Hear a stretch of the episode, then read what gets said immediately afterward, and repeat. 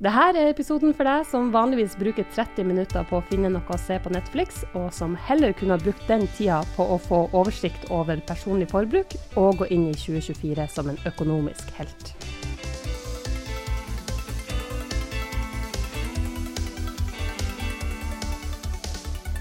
La oss være helt ærlige. Det er vanskelig å ha januar som yndlingsmåned. Det er en kalddusj etter all kosen vi har meska oss med i månedene før, og jeg kjenner iallfall at det er veldig lett å havne ned i en sånn negativ tralt. Samtidig så finnes det folk blant oss som mener at et nytt år, det er nye ark og det er fargestifter til. Og de aller mest optimistiske mener at det finnes Excel-ark, nye Excel-ark for et nytt år. Du hører på podkasten Men du, jeg heter Sigrid Agnete Hansen, og i lag med meg i studio så har jeg kollega Ingrid Brun. Vi jobber begge i markedsavdelinga til Sparebanken Nord-Norge, og så er vi venninner på fritida. Og det her er podkasten om økonomi for deg som føler at du egentlig ikke trenger en podkast om økonomi. Hei og velkommen og godt nytt år til deg, Ingrid. Godt nyttår. Det med spørsmålstegn, er det et godt nytt år? Ja, det håper jeg jo. Eh, Hva er januar for deg? Er det havregrøt og slaps rundt føttene, eller klarer du å gå inn i det her med heva haug og friskt blikk? altså, glitter og stas er jo redda bort, og det er jo kanskje litt bra. Og så, eh, ja, det, jeg, jeg går inn i det med litt sånn eh, positive tanker, og tenker at det er et nytt år, nye muligheter, og du snakker litt om Excel-ark, og der ah, Det varmer mitt hjerte. Ja, du har åpna det nye Excel-arket, eller? Ja, det har jeg. Mm, det er liksom eh, klassisk eh, januaraktivitet. Ja, fordi at eh, det som er fascinerende med deg, Ingrid, det er at du, du har faktisk et lite regnskap som Ja. du fører. Ja. Du er en oversiktsperson. Ja. Si mer om det. Ja, um, jeg har noe som heter husregnskapet. Da går jeg inn og ser hvilke utgifter vi har. Jeg går bare rett og slett inn på regningskontoen vår og plukker ut hva vi bruker penger på, setter det opp og skriver summene bak. Og så ser jeg hva vi får inn, setter det opp og skriver summene bak, og så ser jeg forhåpentligvis så bør den summen der stemme. Og så endrer det seg jo litt. Eh, Noen ting koster kanskje mer enn vi har tenkt. Strømmen ble litt dyrere, vi brukte litt mer på mat. Eh, litt andre ting er gått opp, og da må man jo justere for å se om ok, har vi nok inntekter til å betale de her utgiftene.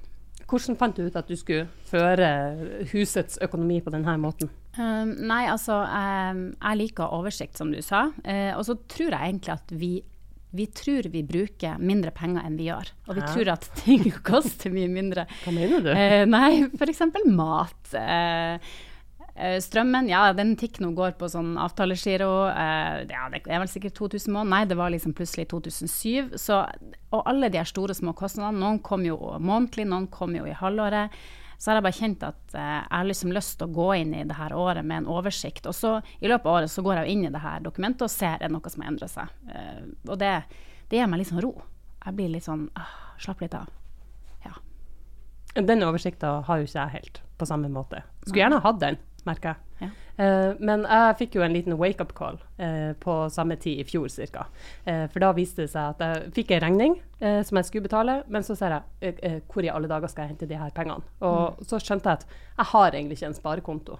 Eh, fordi jeg har hatt en sparekonto, men den har på en måte blitt en brukskonto. Det er på en måte bare sånn her setter jeg inn penger, så tar jeg av de når det begynner å bli knagert andre plasser.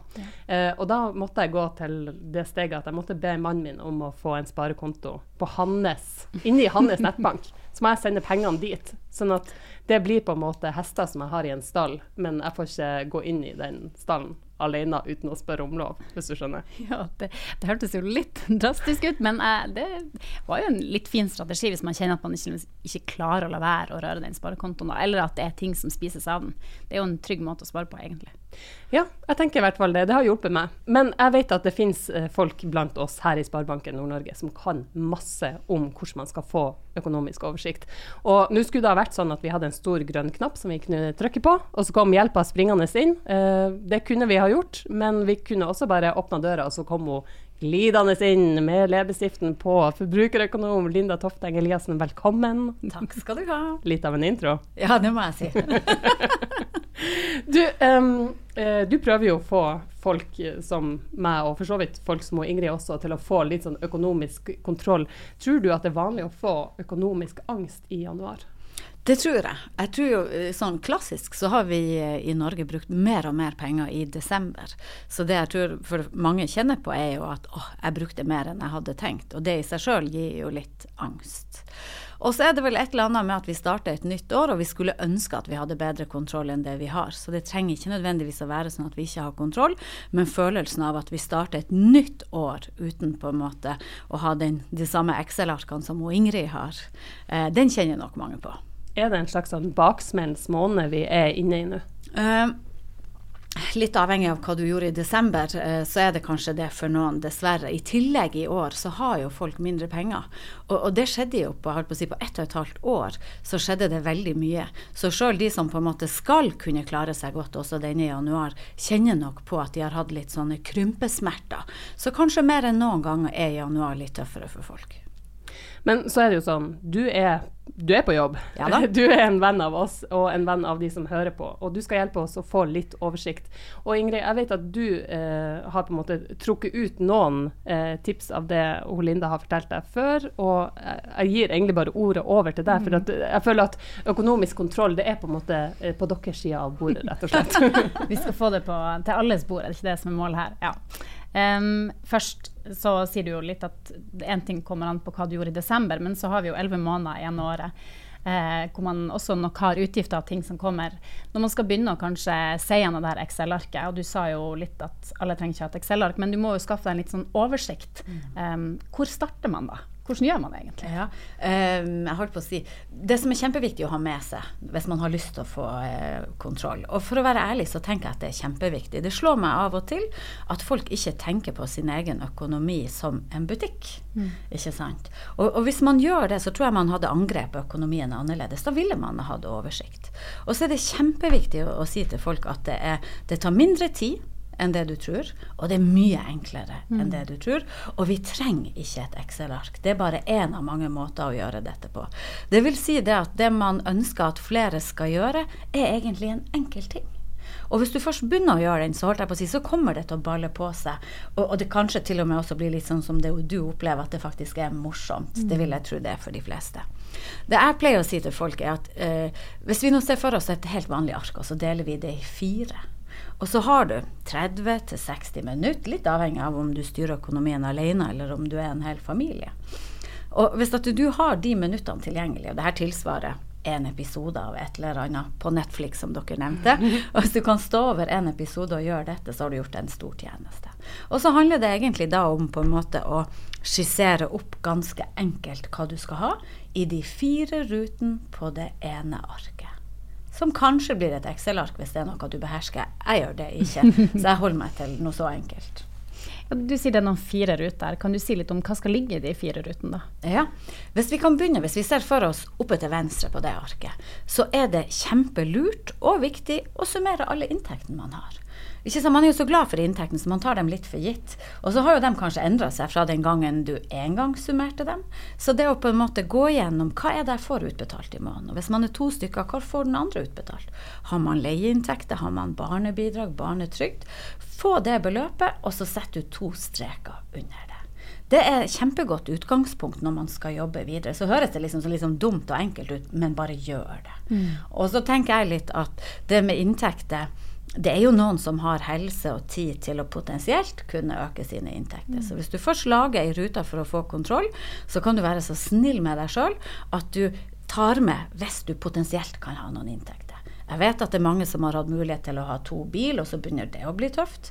Eh, hvis det, det, du har muligheten, du bruker kanskje ikke to biler hver helg, men du trenger det i hverdagen. Lei ut den ene bilen, så kan du potensielt ta inn på et år alt som er driftsutgifter på bil to. Har man en familieeiendom, en fritidseiendom, så kan man leie ut den. Nå I nord er det jo masse nordlysturister som ikke får tak i, eh, i både hytte og, og, bil, begge deler.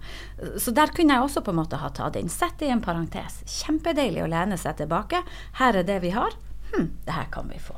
Og da bør det være ting som på en måte er helt uh, reelle inntekter du kunne hatt. Ikke sånn at du bare finner på at liksom, hvis jeg hadde solgt noen klær, så hadde jeg kunnet tjene det. Det er helt konkrete ting som du kan sette en verdi på. da. Helt riktig. Og det her var jo bare to veldig enkle eksempler. Det er jo masse folk som har skills og kunnskap, ikke sant? om du skal undervise noen, eller om du strikker noe og selger det.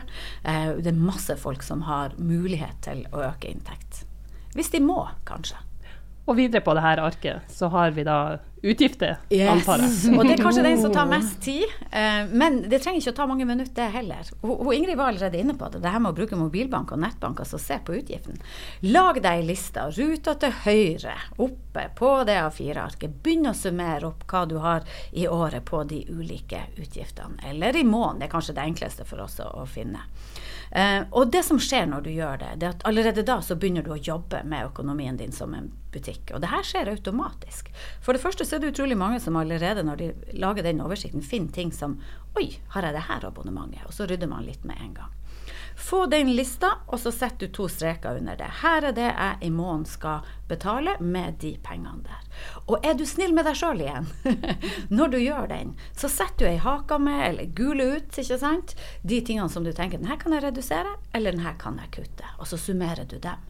Da sitter du og ser på det som i dag er dine faste utgifter, og så har du en parentes ved siden av som sier jeg kan klare å redusere med 3500-4000 hvis jeg må.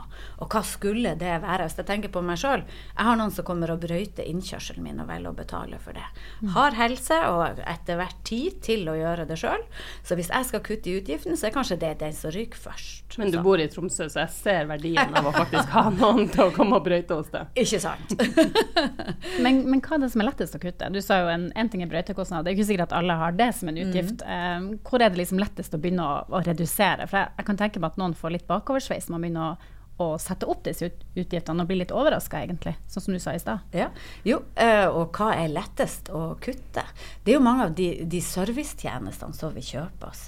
Det er jo noen som har eh, småabonnement for 2500 i måneden når de er en familie. Og så sier jeg ikke at det her er noe man, man kanskje må kutte i det hele tatt, sånn som økonomien er i dag. Men det å faktisk kunne se på at ok, vi trenger ikke fire strømmetjenester. Det kan hende at vi klarer oss med én eller to, og så har vi litt å gå på der. Så det er jo litt sånne klassiske ting eh, som er.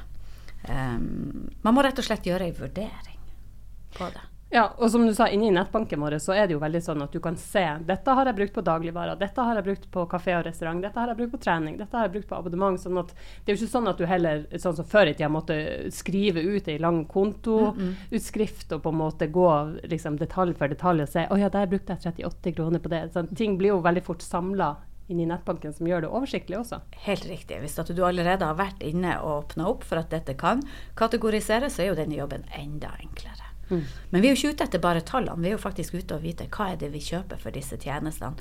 Fordi at vi på en måte skal ha med oss er det noe her jeg ønsker å gjøre annerledes. Jeg regner med at mat også er noe som man kanskje må se litt på. Eh, Ja. Å handle på matbutikken er jo ikke Der- billigere. Det er helt riktig. Og der har du egentlig den tredje ruta på dette arket. Det er å finne ut hvor mye man bruker i snitt på en måned. Og da er i hvert fall den oversikten som man kan få i mobil- og nettbanker, kommer veldig godt med. Og her er, det her er egentlig veldig viktig, fordi at her er en av de tingene de færreste av oss vet. Og her er den nest største utgifta i et hushold. Det er nesten bare å leie bolig eller å betale lån på en bolig som vi bruker mer penger enn husholdningsutgifter. 12 500 er snittet for en familie på fire. Ganger du det med, tolv, 12, så er vi oppe på 150 000, så det er en stor utgift. Finn ut bruker vi 8000 eller bruker vi 16 000 i måneden. Begge deler er vanlig. Hvor ligger du? Bare tenk hvor viktig det er for at du skal komme frem til hva, hvor mye har vi til overs. At du finner ut av det. Og det kan jeg jo bare si med en gang. Det kommer episode om hvordan man skal bli ordentlig rå på å både tenke økonomisk når man handler mat, men også få ned de kostnadene som man bruker. Der vet jeg i hvert fall at jeg sjøl har litt å lære, så det er bare å se frem mot. Eh, men da kommer man altså til slutt, hva er det man sitter igjen med da? Da er det egentlig den lille gullposen mm. som de har i Robin Hood med sånn små klirrende mynt. Sånn, dette er det du kan bruke. Helt riktig. Fordi at mat må vi ha, og vi må betale regningen vår. ikke sant? Eh, og det vi da står igjen med av inntekter, er jo den, den siste fjerde ruta. Det er der du velger hva du skal, kan spare, og hva du kan ha til privat forbruk. Og der ligger jo litt av nøkkelen. Vi har jo tenkt litt at «Oi, nå har det sittet litt langt inne for oss å, å, å redusere forbruket vårt etter hvert så utgiftene har økt. Og jeg tror det er for at det er ganske få av oss som har gjort det regnestykket på nytt, og ser at oi, gud, det beløpet var jo litt mindre.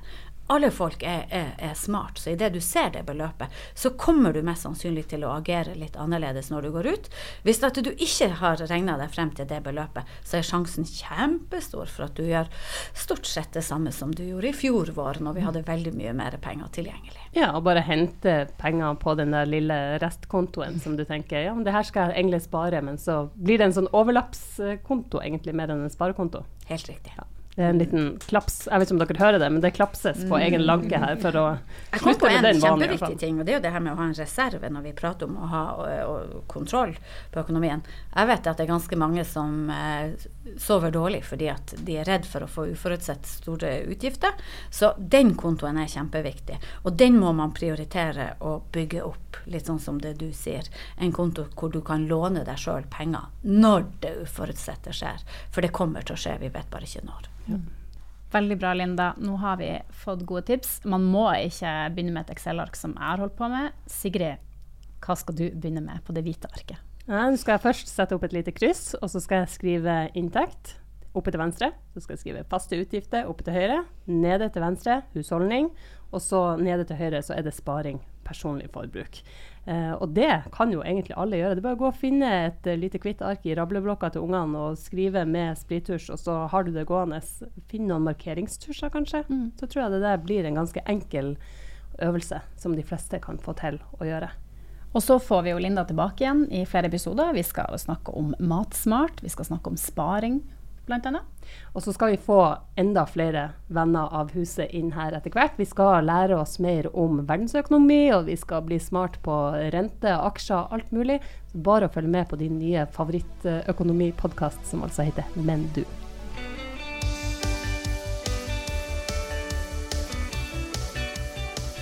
Du har hørt podkasten Men du, som er laga av oss, Sigrid Agnete Hansen og Ingrid Brun i Sparebank1 Nord-Norge.